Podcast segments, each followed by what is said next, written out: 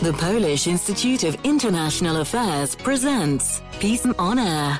Now we're talking. Hello, I'm Łukasz Jasina, and that's the next issue of our PISM Brussels podcast. And uh, now my guest is Professor Cynthia Miller-Idriss. Hello, Professor. Hello, good morning, or good morning here in Washington. author of a new book, Hate in the Homeland. Very interesting title. Professor Miller is a professor of the School of Public Affairs and School of Education at the American University. And we try to talk, mostly will to professor, of course, on the rise of extremism and polarization of social political life in the US and those consequences for Europe. Mostly, those consequences are original because we've got this polarization in the democratic countries. We don't see so much about polarization in China or in the dictatorships like Iran, but we've got it in the United States. We've got in many states of the European Union. We've got this in Poland as well, which is horrible sometimes. But mm-hmm. I think only this polarization in the United States could affect all world. And we've seen it during the presidential campaign when many of the American publicists define the world because of the relations with Trump or Biden or the other politicians. But professor, of course, you will decide what to say, but my important question will be, what is the real issue of this polarization? How long mm. it is? Because we can say that this starts during the LBJ presidency or even during the George W. Bush presidency. When it started, what is the reason? Is that reason only differences between big cities and Wild West, or there is something more? It's a great question. Um, and thank you for having me. Sorry. It's great to be here. yeah, no problem. I mean, there are several different things happening in the States all at the same time. So I think you're right. There are deep historical roots here that go back decades. But in terms of the polarization that led to kind of a more extremist fringe. The most recent backlash, I think, started after Obama was elected. And so when President Obama was elected and we have that backlash, you know, kind of record breaking numbers of hate groups forming and the Tea Party forming and the kind of, you know, both on the fringe and then even kind of on the mainstream breaking off groups like the Tea Party that were, that were kind of establishing new ways of engaging and, and retrenching in that case a kind of a view um, about you know a desire for restoration to something utopian prior past in the states. I think you were getting that kind of messaging. And so on the one hand you have that happening and then we had the the fringe growing and social media comes in of course and so then when social media arrives and ordinary people started to engage in ways that we know polarize on social media because people behave differently when they're in interactions on social media than they do in real life with less humanity, with um, more harassment and trolling. And then we have politicians who came in and exploited that. And so you get kind of these framings of, you know, the red states in the middle of the country being flyover country and the, the coasts being full of coastal elites.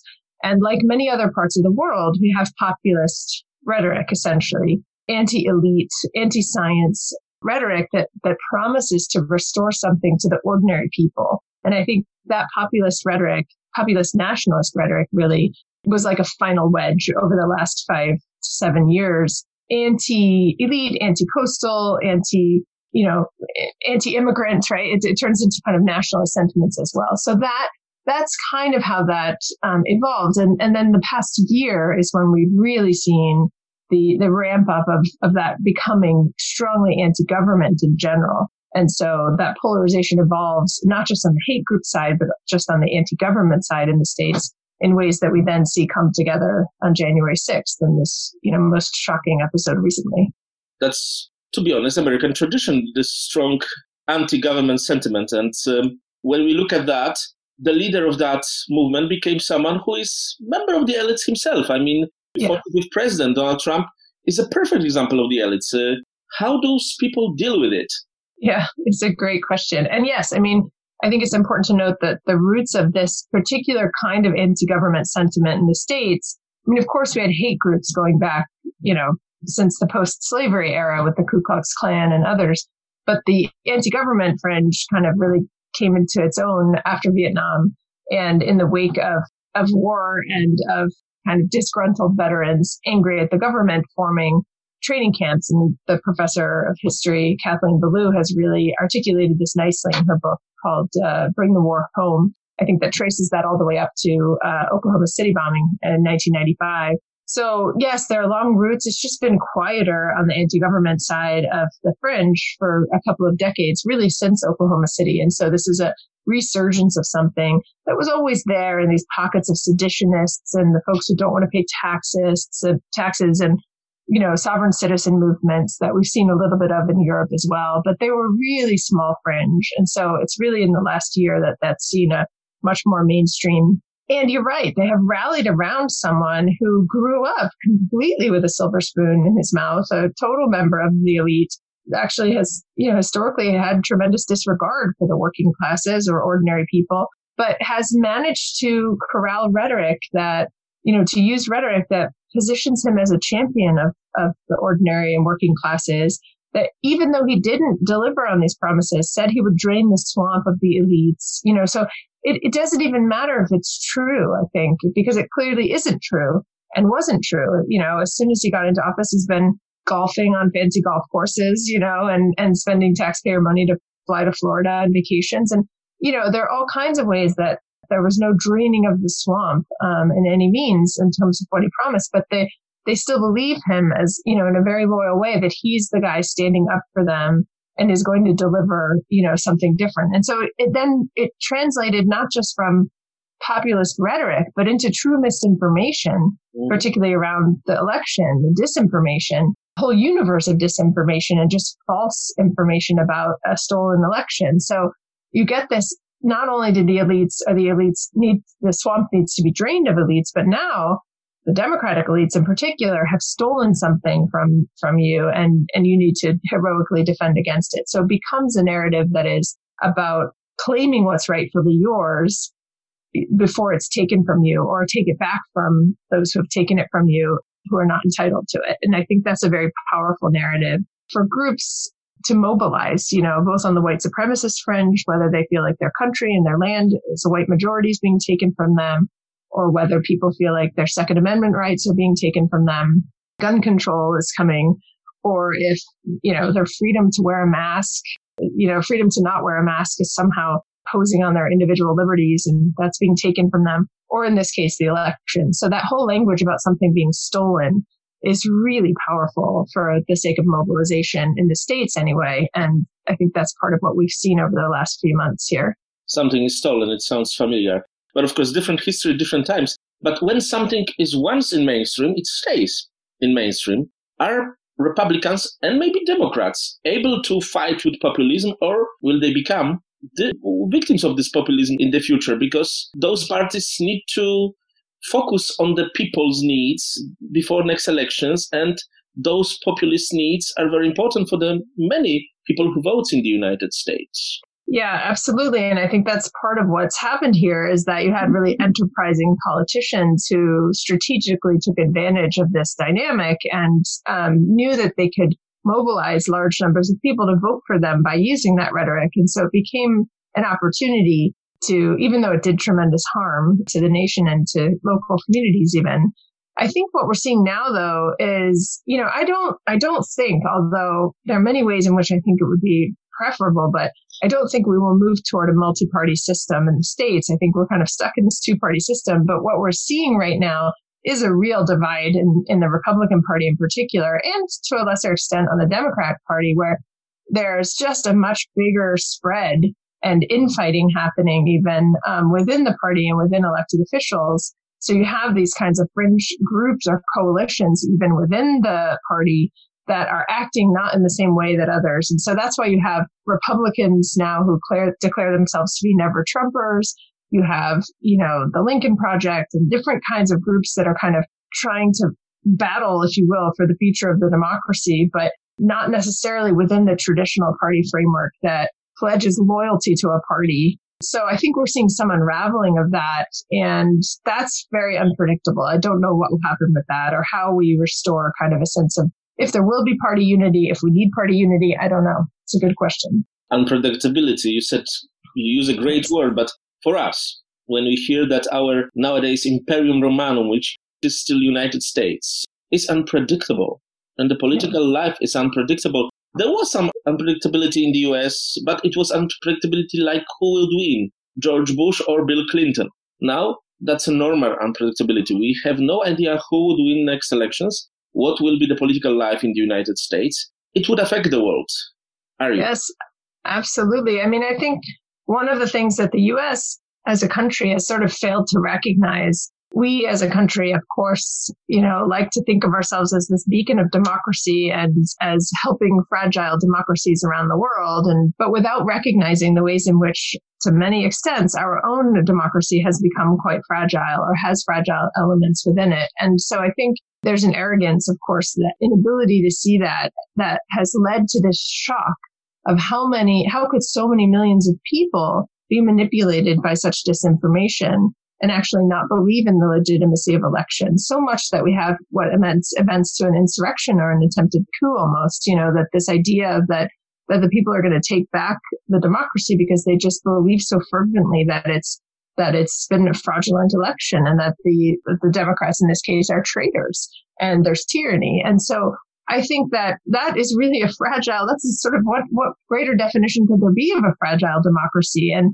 when we think about the kinds of investments that we and other countries make into assisting fragile democracies with things like educating the public on how manipulation could happen over social media or how propaganda might come from non-democratic leaders who or or you know how to ward off kind of revolutionary ideas in that way that are not necessarily in the democracy's best interest. There have been all kinds of programs and supports and initiatives and funding but we haven't really looked to our own country in that way. And I think it's really telling that, for example, I get several, I've had several calls over the last few, few months or inquiries from organizations that normally do conflict resolution or peace building or kind of develop, work in developing regions of the world in the global south who are now for the first time beginning programming in the US and, you know, are looking for ways to build you know, peer mediation models, um, you know, soccer for peace models. Like, what are the ways that we can heal communities and bridge these divides and also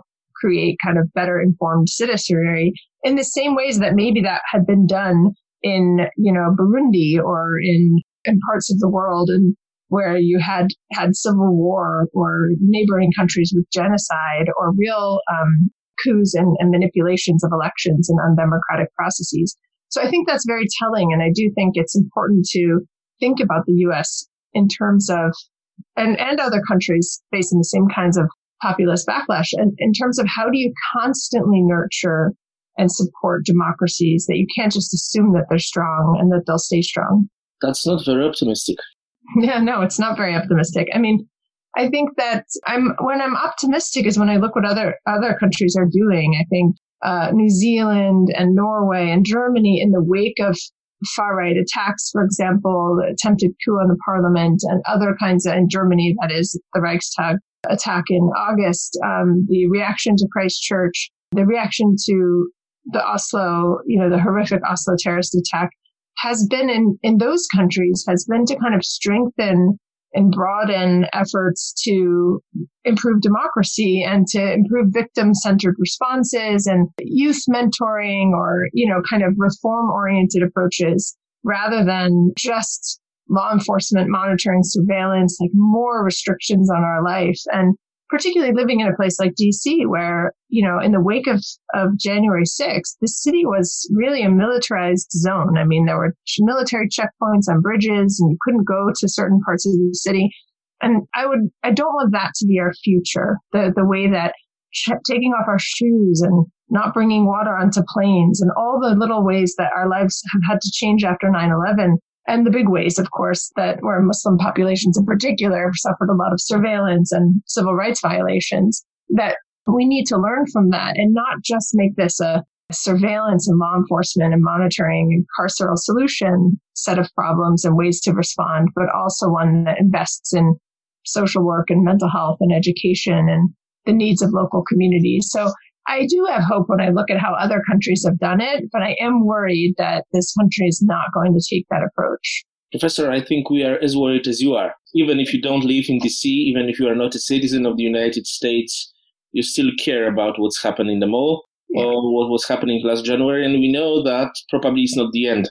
Yes, exactly. I think it probably is not the end. And, you know, I think that's not, and by not the end, I mean, not even in the short term. I mean, I think when we look at what happens over a dozen years and how things develop, there are moments, there are key pivotal moments where I think we can intervene to interrupt things. And, and this seems to me to be one of them. And so having the Biden administration really focused on this is important and I think will help. But it is, it's, it's hard to see a path forward right now in a, in a way that kind of feels when there's competing claims for accountability and justice on the one hand and kind of restoration and peace on the other. And it's nobody really has a good plan for how to stitch that together. So it is very early days for the Biden administration. I mean, we're just like two weeks in. So I think it's a lot to ask, you know, the administration to already have a fully fledged set of plans. Plus then they, this was an existential shock on January 6th.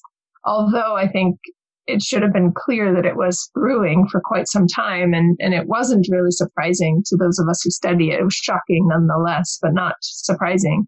So I think that um, what we're going to be facing is a years long struggle to reclaim kind of democracy and and to help educate people in ways that prevent this from happening again. But that requires the right kinds of investments and not just resources to kind of to make the FBI better at trying to catch everybody before they do the before they commit violence, um, which is important, of course, but can't be the only solution because it's right all the way at the end of the trajectory and ultimately ends up being a band-aid solution. United States focus on all those divisions and internal problems are not so focused on the external problems, which is our problem. Yeah.